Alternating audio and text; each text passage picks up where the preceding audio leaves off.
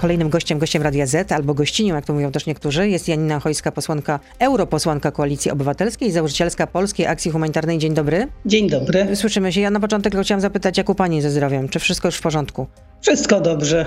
No to Zawsze naj... mogłoby być lepiej, ale wiek też robi swoje. To bardzo się cieszę, e, że jest dobrze. Mm, Premier Morawiecki wzywa unijnych przywódców, e, także Borysa Johnsona, ale także prezydenta Stanów Zjednoczonych, żeby pojechali do Kijowa i zobaczyli na własne oczy, co tam się dzieje. Czy unijni przywódcy i nie tylko unijni przywódcy powinni pójść śladem trzech premierów, którzy pojechali do stolicy Ukrainy, pomimo olbrzymiego ryzyka. No to na pewno była y, wyjątkowa decyzja i wyjątkowa wyprawa i, i bardzo potrzebna, bo y, takie, taka obecność y, tam y, jest dla, dla ludzi, dla tego narodu niezwykle ważna. Ja sama wiem, bo od, odczułam to niejednokrotnie, kiedy jeździliśmy z konwojami do Sarajewa czy do Groznego, e, czy byliśmy obecni w innych krajach, e, gdzie toczyły się wojny. I ludzie właściwie mówili naj, najczęściej to samo. E, Dobrze, że, że, że jesteście, dobrze, że są tu ludzie z tego wolnego świata. Więc na pewno ta wizyta miała ogromne znaczenie, ale ja nie uważam, że teraz wszyscy powinni tam jeździć. To, co powinniśmy robić, to mobilizować się, żeby ta pomoc była jak najbardziej skuteczna, zarówno tam y, w Ukrainie, jak i tutaj w Polsce, bo przecież y, przed nami ogromne wyzwania. Y, Chodzi o to, żeby Ukraińcy nie poczuli, że mamy już dosyć tej pomocy, że mamy dosyć ich obecności i żeby nie poczuli, że, em, że są w jakiś sposób odstawiani na bok. No, tak jak to niestety stało się z Afgańczykami. No to na tutaj- pewno, to na pewno jest maraton, a nie sprint, jak to mówią niektórzy Tak. i bardzo trafne porównanie. E, Rosjanie są coraz bardziej brutalni, wyrzucają Ukraińców z domu, plądrują mieszkania, kradną jedzenie, zbombardowali teatr w Mariupolu, gdzie ukrywali się cywile około 1200 osób i jak mówi tamtejszy ukraiński minister spraw zagranicznych Dmytro Kuleba, to jest niemożliwe, żeby Rosjanie nie mogli nie wiedzieć, że tam się ukrywają cywile. Tak, czytałam materiał, widziałam też y, filmy z tego, znaczy z tego, co się działo w samym teatrze, gdzie y, rzeczywiście bardzo wiele ludzi mieszkało i bardzo dużo dzieci, kobiet, y, starszych ludzi. Wiadomo, mężczyźni walczą. No, to, to jest okrutne. Ta wojna w ogóle jest e, niezwykle okrutna, bo widać, że Putin chce takiego całkowitego zniszczenia, zmiecenia w proch e, e, najważniejszych miast e, i miejsc oporu Ukrainy. I dzieje się to bez względu na to, czy to jest szpital, czy przedszkole, czy właśnie miejsce, gdzie, gdzie ukrywają się ludzie. No właściwie nie, nie, nie, nie ma słów i pytanie, jak można to okrucieństwo powstrzymać. To, to jest bardzo trudne. No, Ukraińcy wiedzą, jak, jak to powstrzymać. Mówią, zamknijcie niebo nad Ukrainą, zamknijcie nam niebo nad naszą ojczyzną. Poradzimy sobie. Pytanie jest, czy my, wolny świat, jesteśmy też w stanie zapłacić taką cenę, jaką płacą Ukraińcy. E, Bo wiadomo, że jeżeli dojdzie do tego i niebo nad Ukrainą zostanie zamknięte, to y, kraje takie jak Polska, jak Estonia, Litwa, Łotwa y, najprędzej zapłacą cenę za y, takie działania NATO. Y, I tutaj no, jest taka wewnętrzna sprzeczność, tak. Y, y, Nie chcielibyśmy, żeby doszło do III wojny światowej, no ale też nie chcielibyśmy, żeby Ukraina była bombardowana. I żeby nadal ginęli tam ludzie. I żeby, tak jak pani powiedziała, żeby ten po prostu kraj był zrównany po, dosłownie z ziemią. I jeśli chodzi o to, y, nasze granice, no to granice polskie już przekroczyło od 24 lutego, kiedy wojna wybuchła, ponad milion dziewięćset tysięcy uchodźców z Ukrainy. Jak wczoraj mówił wiceszef MSWiA Paweł Szefernaker, no to w Polsce zostało około półtora miliona. A jak my sobie radzimy w tej sytuacji? Jak pani to ocenia z punktu widzenia szefowej dużej organizacji pomocowej, która też jeździła właśnie z konwojami, jak pani mówiła, w niebezpieczne rejony, te, też ogarnięte wojną. Jak wygląda ta e, akcja pomocy humanitarnej? Znaczy, ja uważam, że wygląda całkiem dobrze, chociaż oczywiście nie ze wszystkim jest y, tak dobrze, jakby się chciało.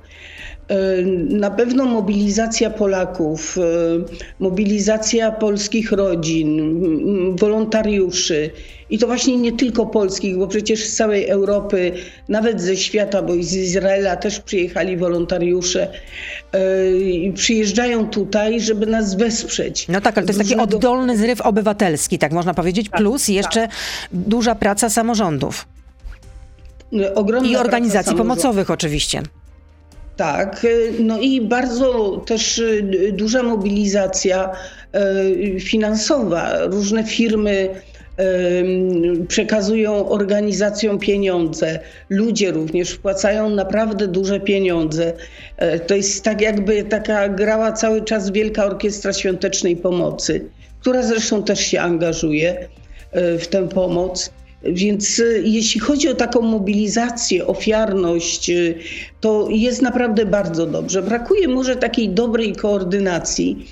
Y, I tutaj żadna organizacja, żaden samorząd nie da rady tego ogarnąć. Ale co to znaczy brakuje koordynacji? To co należałoby zmienić w takim razie? Znaczy na pewno należałoby skoordynować pomoc, która dociera w różne miejsca, bo na jednej granicy tej pomocy jest więcej, a tam, gdzie jest bardzo potrzeba, jest mniej. No ale trudno jest to y, skoordynować, jak jakaś organizacja ma gdzieś stoisko, no to y, już tam y, są, tam działają. Trudno jest się tak przemieszczać w jedną, drugą stronę. Poza tym trudno jest też przewidzieć. Ale co Natomiast to znaczy, państwo- że trzeba poprawić koordynację? To co powinno się wydarzyć?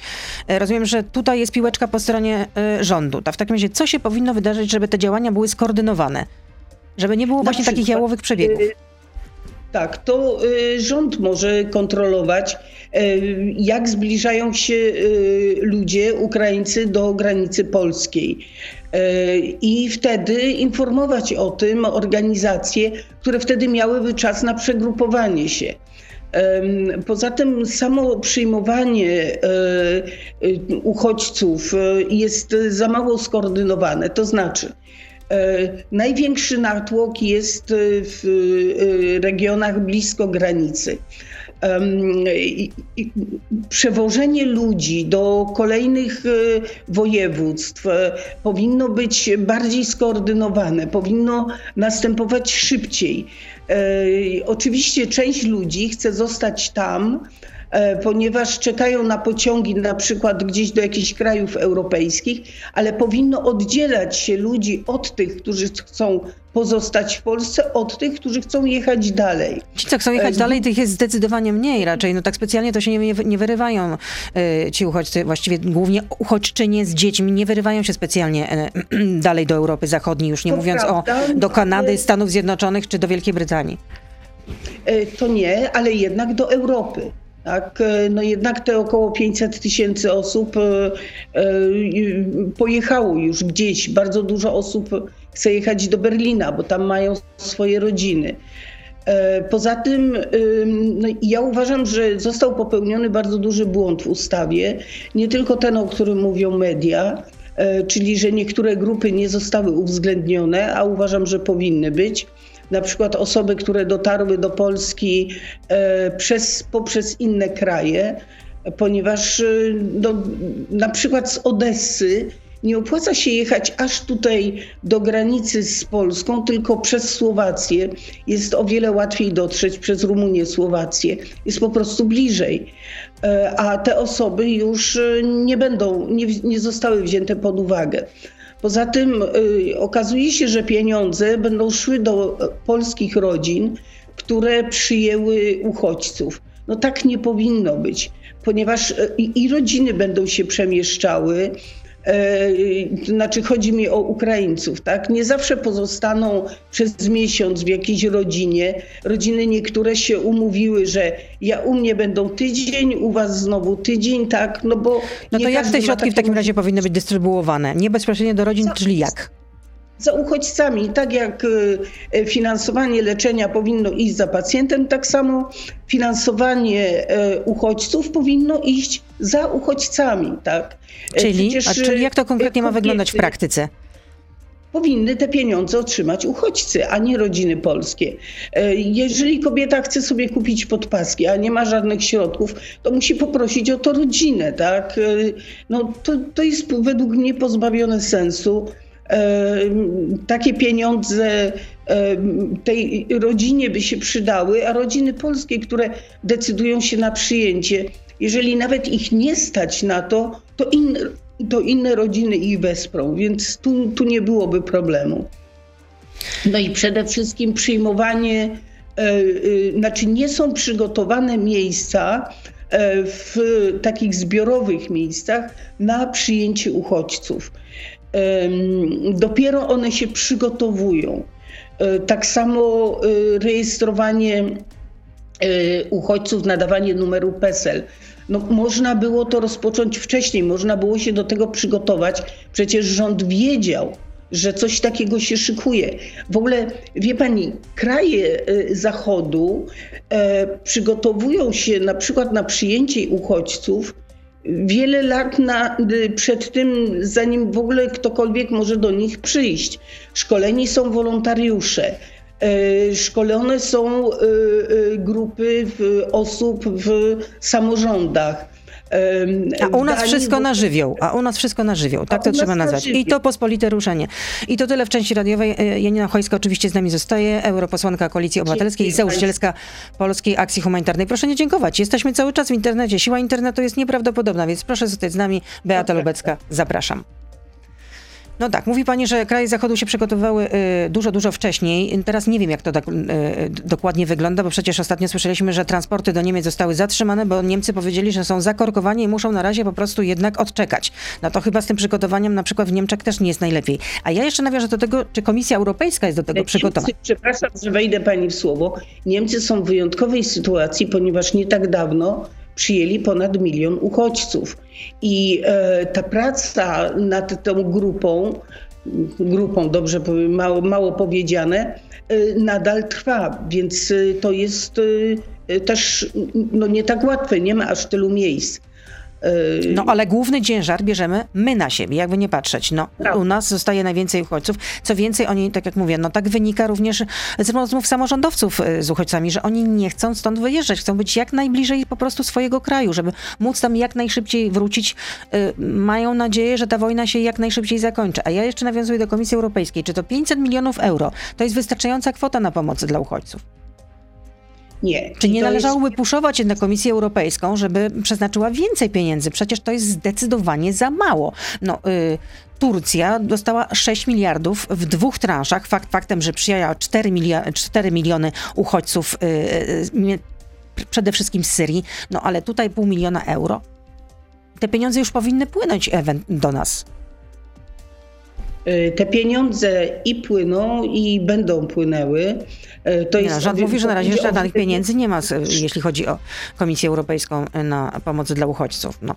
Tak mówią, no. Więc y, też y, czytałam taką, nie wiem, pani, przepraszam, jeszcze dokończę, że w Polskiej Agencji Prasowej była taka depesza, że było takie nieformalne spotkanie unijnych dyplomatów, między innymi z Polski, między innymi z Niemiec, między innymi z Francji. Chcieli się dowiedzieć, jak idą te prace nad koordynacją wsparcia, jeśli chodzi o Komisję Europejską. I co się dowiedzieli? Że blado to wygląda, że dopiero Komisja Europejska pracuje nad tym, żeby wysyłać misje do poszczególnych krajów Komisji y, Unii Europejskiej, przepraszam, i zorientować się na miejscu, jak to wygląda, jakie są potrzeby no to chyba trochę jednak to trwa za wolno. No, trzy tygodnie temu wybuchła wojna. No, y, ja mam zupełnie inne informacje. Mianowicie, po pierwsze, parlament o wiele wcześniej niż została tutaj uchwalona specustawa, wydało rozporządzenie, które pozwala Ukraińcom, nawet jeżeli nie mają biometrycznych paszportów, do przemieszczania się swobodnie w strefie Schengen. Co więcej, jest tam zapisane, że te osoby E, znajdą pracę, znajdą miejsce zakwaterowania e, i będą miały opiekę zdrowotną, zasiłki, no to wszystko, co przysługuje każdemu obywatelowi e, mm, Unii Europejskiej. Więc tutaj Komisja Europejska była bardzo szybka.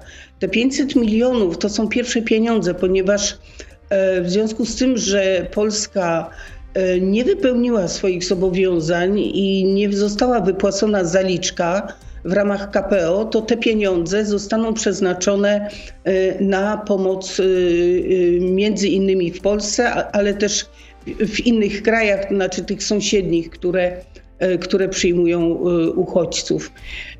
To jest raz. Dwa, zarówno komisarz Lenarczyk, który y, przeznacza pieniądze na pomoc zewnętrzną, czyli na pomoc w Ukrainie. To jest komisarz do spraw uchodźców, tak? Już... Tak, tak. Y, nie, to jest komisarz do spraw pomocy humanitarnej i on wyznaczył już 19 miliardów na pomoc dla Ukrainy. E, wiem, że są też przygotowane, tylko nie, nie, nie pamiętam, nie znam kwot. E, właściwie to nie pamiętam tych kwot, e, które mają być wyznaczone na pomoc dla Polski i dla krajów sąsiadujących z Ukrainą. Więc tych pieniędzy będzie o wiele więcej. Ja uważam, że, że na razie też sytuacja jest taka, że Polska Y, znaczy, mi podoba się to, że y, e, Unia Europejska zastanawia się, w jaki sposób najlepiej przeznaczyć te pieniądze, ponieważ y, również ja prosiłam na przykład panią e, komisarz Johansson, żeby przekazać pieniądze jednak e, nie rządowi, jak to najczęściej bywa, tylko żeby przekazać je samorządom i organizacjom pozarządowym ponieważ wtedy jest lepsza gwarancja na yy, wykorzystanie tych pieniędzy, tak? Zgodnie z przeznaczeniem, tak. No i jakie są szanse rzeczywiście, żeby te pieniądze płynęły bezpośrednio do samorządów i do organizacji pozarządowych? I do organizacji. Nie jest to takie proste, jeśli chodzi o samorządy. I wiem, że szukane są sposoby, jak to najlepiej zrobić. E, a trzeba powiedzieć, że w tej chwili w Polsce tych pieniędzy jest dużo na pomoc ponieważ e, e, i ludzie, ale również firmy, również firmy zagraniczne, my otrzymujemy pieniądze też z zagranicy. Te pieniądze na razie na pomoc tutaj są. E, I e, lepiej, żeby te pieniądze dotarły do nas w momencie, kiedy już nie będzie ofiarodawców, będzie inny problem, tak, już jest e, trzęsienie ziemi w Japonii, w Fukushimie, więc okaże się, że, że, że będą różne inne potrzeby, a tutaj dotrą wtedy te pieniądze, które okażą się najbardziej potrzebne. Takie jest moje doświadczenie. To, co my zbierzemy na początku konfliktu, e, każdego, tak, e, to to są potem pieniądze, które e, mamy w swojej dyspozycji, natomiast potem dostajemy, składamy wnioski do, do Unii Europejskiej i dostajemy pieniądze na pomoc od Unii Europejskiej. Czyli Pani zdaniem Komisja tak. Europejska nie zawaliła sprawy i działa tak jak w odpowiednim tempie i tak jak trzeba, tak? Tak mam to rozumieć. Ja powiem tak, no może mogłaby działać prędzej. E, ale e, różne delegacje. Był tutaj, była, e, pani komisarz Johansson będzie teraz. Była, A pani komisarz Johansson, bo przeciętny zjadacz chleba nie wie, kto to jest pani komisarz Johansson. Komisarz do spraw?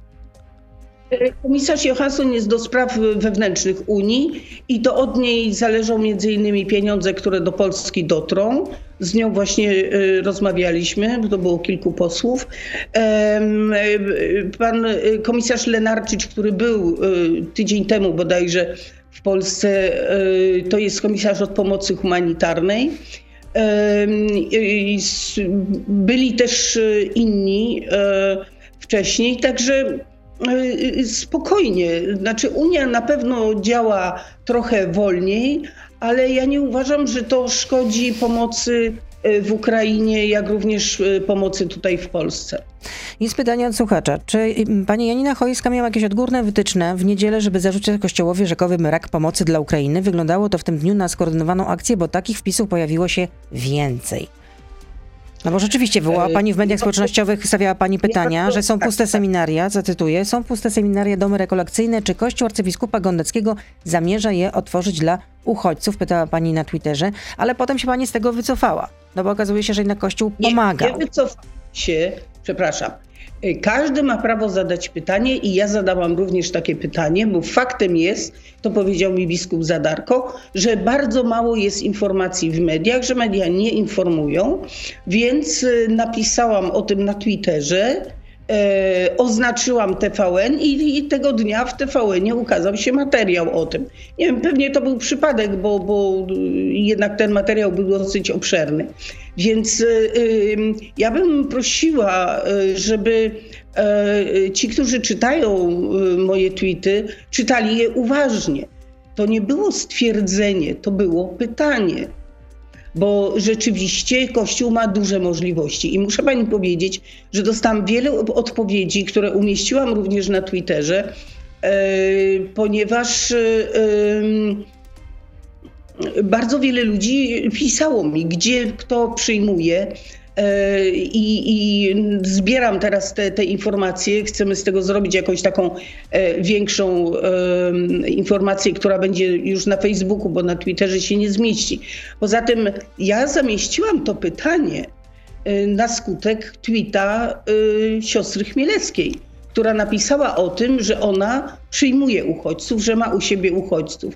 Stąd zapytałam o innych, tak, bo, bo jest to rzeczywiście ciekawe i co więcej, mnie to cieszy, więc bardzo mnie cieszy, że pani o to pyta. Bo tutaj e, e, no jakby ci, którzy czytali tego tweeta i potem e, złożyczyli na mnie, co jest bardzo łagodnym określeniem, widać nie przeczytali go dokładnie. Każdy ma prawo zadać pytanie, i, I ja je zadałam i dobrze, bo ktoś w końcu je zadał, tak? No, Interia donosiła, że Caritas Polska przekazał blisko 600 tysięcy złotych na samym początku na Caritas Ukraina i na Caritas Spesy. I te pieniądze y, były z, ze środków kryzysowych Caritas Polska, że 105, ponad 150 tirów z żywnością tam długoterminową, napojami, lekami, apteczkami, agregatami prądotwórczymi tam pojechało na Ukrainę. I to są transporty pochodzące z darów i ze zbiórek z poszczególnych e, diecezji. Poza tym no, e, e, osoba z działu komunikacji Y, Caritas Polska informowała też, że y, Kościół przyjmie 2000 sierot z ukraińskich domów dziecka i już przyjęto 900 y, takich dzieci. Więc no, tak informowała Interia, no, powołując się właśnie na. Znaczy, to, że gdzieś coś gdzieś, gdzieś się ukazuje, to nie oznacza, że ja to muszę od razu wiedzieć, tak? Znaczy, no jednak nie robię. Ta publikacja ukazała się raczej chyba po, po pani pytaniu. Tak, tak wnoszę, że tak A, chyba było. Więc, więc tym bardziej. Y, także mnie, mnie w ogóle te, te informacje bardzo cieszą, bo e, chciałabym, żeby Kościół był zaangażowany. E, I nawoływałam do tego również wtedy, kiedy, e, kiedy uchodźcy z takich krajów jak Jemen, jak Syria, jak Afganistan próbowali przedostać się przez granicę białoruską, no ale niestety tutaj Kościół nie reagował. Stąd y, też no, moje pytanie było uprawomocnione, e, ponieważ y, Polska, jakkolwiek teraz, y, rzeczywiście bardzo się otworzyła na uchodźców, tych z Ukrainy, e, to jednak wcześniej nie można powiedzieć o, o moim kraju, że był to kraj otwarty na uchodźców. E, wręcz przeciwnie, tak? E, e, śmierć poniosło 21 osób, to ci, o których wiemy, byli wypychani do lasów, na bagna. Zresztą to dzieje się nadal. Więc tutaj jest, jako, jako naród mamy sporo do odrobienia. Ja wierzę w to, że to, co dzieje się teraz w Polsce, taka otwartość na uchodźców z Ukrainy, zmieni naszą postawę i zrozumiemy lepiej sytuację ludzi, którzy uciekają przed wojnami. E, wojna na Ukrainie nie jest jedyną wojną, chociaż jest wojną nam najbliższą i to jest e, zupełnie zrozumiałe. Ale pamiętajmy, że są też inne wojny i że tam również są matki z dziećmi, są starsi ludzie i oni też potrzebują naszej pomocy. No jest jeszcze jedno pytanie od Karoliny, trudne też, e, pani poseł, ale pozwolę sobie je zadać. Mm, dlaczego pani posłanka Ochojska zachowuje się w taki sposób wobec Polski? 7 tysięcy euro miesięcznie, ja rozumiem, to jest pensja europosła i oskarża pani Polskę w trakcie wojny. No wstyd, tak napisała Karolina. No, co ma pensja do, do mówienia prawdy? Pensja rzeczywiście europosłów jest wysoka, no ale nie chcę opowiadać, w jaki sposób też się nią dzielę. Tak? Natomiast oskarżenia, no, jeżeli pani Karolina zechce zarzucić mi, gdzie mówię nieprawdę, tak? Bo oskarżenia to znaczy, że mówię gdzieś nieprawdę. Wydaje mi się, że nie mówię nieprawdy. Jestem z reguły osobą prawdomówną. Czasami ta prawda może boleć, ale jest prawdą i E, oczywiście każdy naród chce być postrzegany jak najlepiej. Natomiast e, mi w Polsce bardzo podobał się ten proces, e, który niestety się zatrzymał, kiedy próbowaliśmy odkłamywać historię. Historię, która nie zawsze była łatwa, tak? Nie zawsze mieliśmy aureole nad głowami. Mówi Pani w kontekście relacji polsko, polsko-żydowskich, tak? O tym Pani mówi? E, nie tylko, nie tylko o relacjach polsko-żydowskich, również o relacjach polsko-ukraińskich. Przecież one nie zawsze były świetlane, prawda? E, I relacjach polsko-rosyjskich, relacjach polsko-tureckich, które teraz są e, stawiane na piedestale, ale przecież nie zawsze to były dobre relacje. No i pamiętajmy też, co Turcy robią Kurdom. Więc no, każdy naród, jak to się mówi, ma coś za uszami i dobrze jest o tym i wiedzieć, i o tym mówić, tak? Y, y, więc no już nie wspominam, co zrobili Ormianom, tak? Słynna rzeź y, w 1915 roku. Więc warto też o takich rzeczach pamiętać, zanim przypniemy komuś aureolę. To jeszcze na koniec powiem, że nie wiem, czy pani e, mm, o tym czytała, że jak donosi Onet, Komisja Europejska jest bliska odmrożenia pieniędzy w ramach Krajowego Planu Odbudowy i że do zmiany stanowiska skłoniły Komisję Europejską ten projekt prezydencki dotyczący Izby Dyscyplinarnej. No i wojnę na Ukrainie. Znaczy, y, wojna na Ukrainie nie wymaga y, uruchomienia KPO, dlatego że to są zupełnie inne pieniądze przeznaczone na zupełnie coś innego. Na e, odbudowę Jeżeli... po pandemii na odbudowę po pandemii właśnie. Jeżeli i to, i to różnych dziedzin życia w Polsce. Natomiast jeżeli rzeczywiście zostanie zrealizowana propozycja prezydencka, to ja też będę za, za odblokowaniem KPO, ponieważ praworządność to jednak jest coś, co jest bardzo bliskie mojemu sercu i mojemu sposobowi myślenia o zarządzaniu krajem. Chciałabym, żeby ten kraj był praworządny, żebyśmy mogli ufać sądom, żeby e, sądy e, były że, sądami, które są niezależne. Więc jeżeli to się stanie, to ja oczywiście też będę popierała uruchomienie tego, ponieważ nasz kraj tego bardzo potrzebuje. No ale ostatecznie wstrzymała się pani, e, jeśli chodzi o głosowanie w sprawie rezolucji e, wzywającej Komisję Europejską do wdrożenia tego mechanizmu pieniądze za praworządność. Wstrzymała się pani, bo taka była decyzja, rozumiem, delegacji Koalicji Obywatelskiej, tak? No, nie Koalicji Obywatelskiej, Taka była decyzja y, grupy IPP, to znaczy tej polskiej grupy. Y, była to dla mnie bardzo, bardzo trudna decyzja. Czyli chciała pani zagłosować za rezolucją, ale rozumiem, że y, ponieważ była taka, a nie inna decyzja delegacji w ramach IPP, więc naszej polskiej delegacji, więc wstrzymała się pani od głosu, tak? No tak, tak, tak było. No bo na przykład y, pani posłanka y, Adamowicz zagłosowała za rezolucją. Magdalena miała to szczęście, że jej nie było. Jak to nie było? Znaczy nie było jej w parlamencie. Ach, rozumiem. Głosowała, rozumiem, y, y, na odległość. Tak. Dziękuję za to spotkanie. Janina Ochojska, europosłanka Dziękuję. Koalicji Obywatelskiej i, i założycielka Polskiej Akcji Humanitarnej była z nami. Dużo zdrowia nieustająco życzę. Dziękuję bardzo. To był gość Radia Z. Słuchaj codziennie w Radio Z i na player radioz.pl.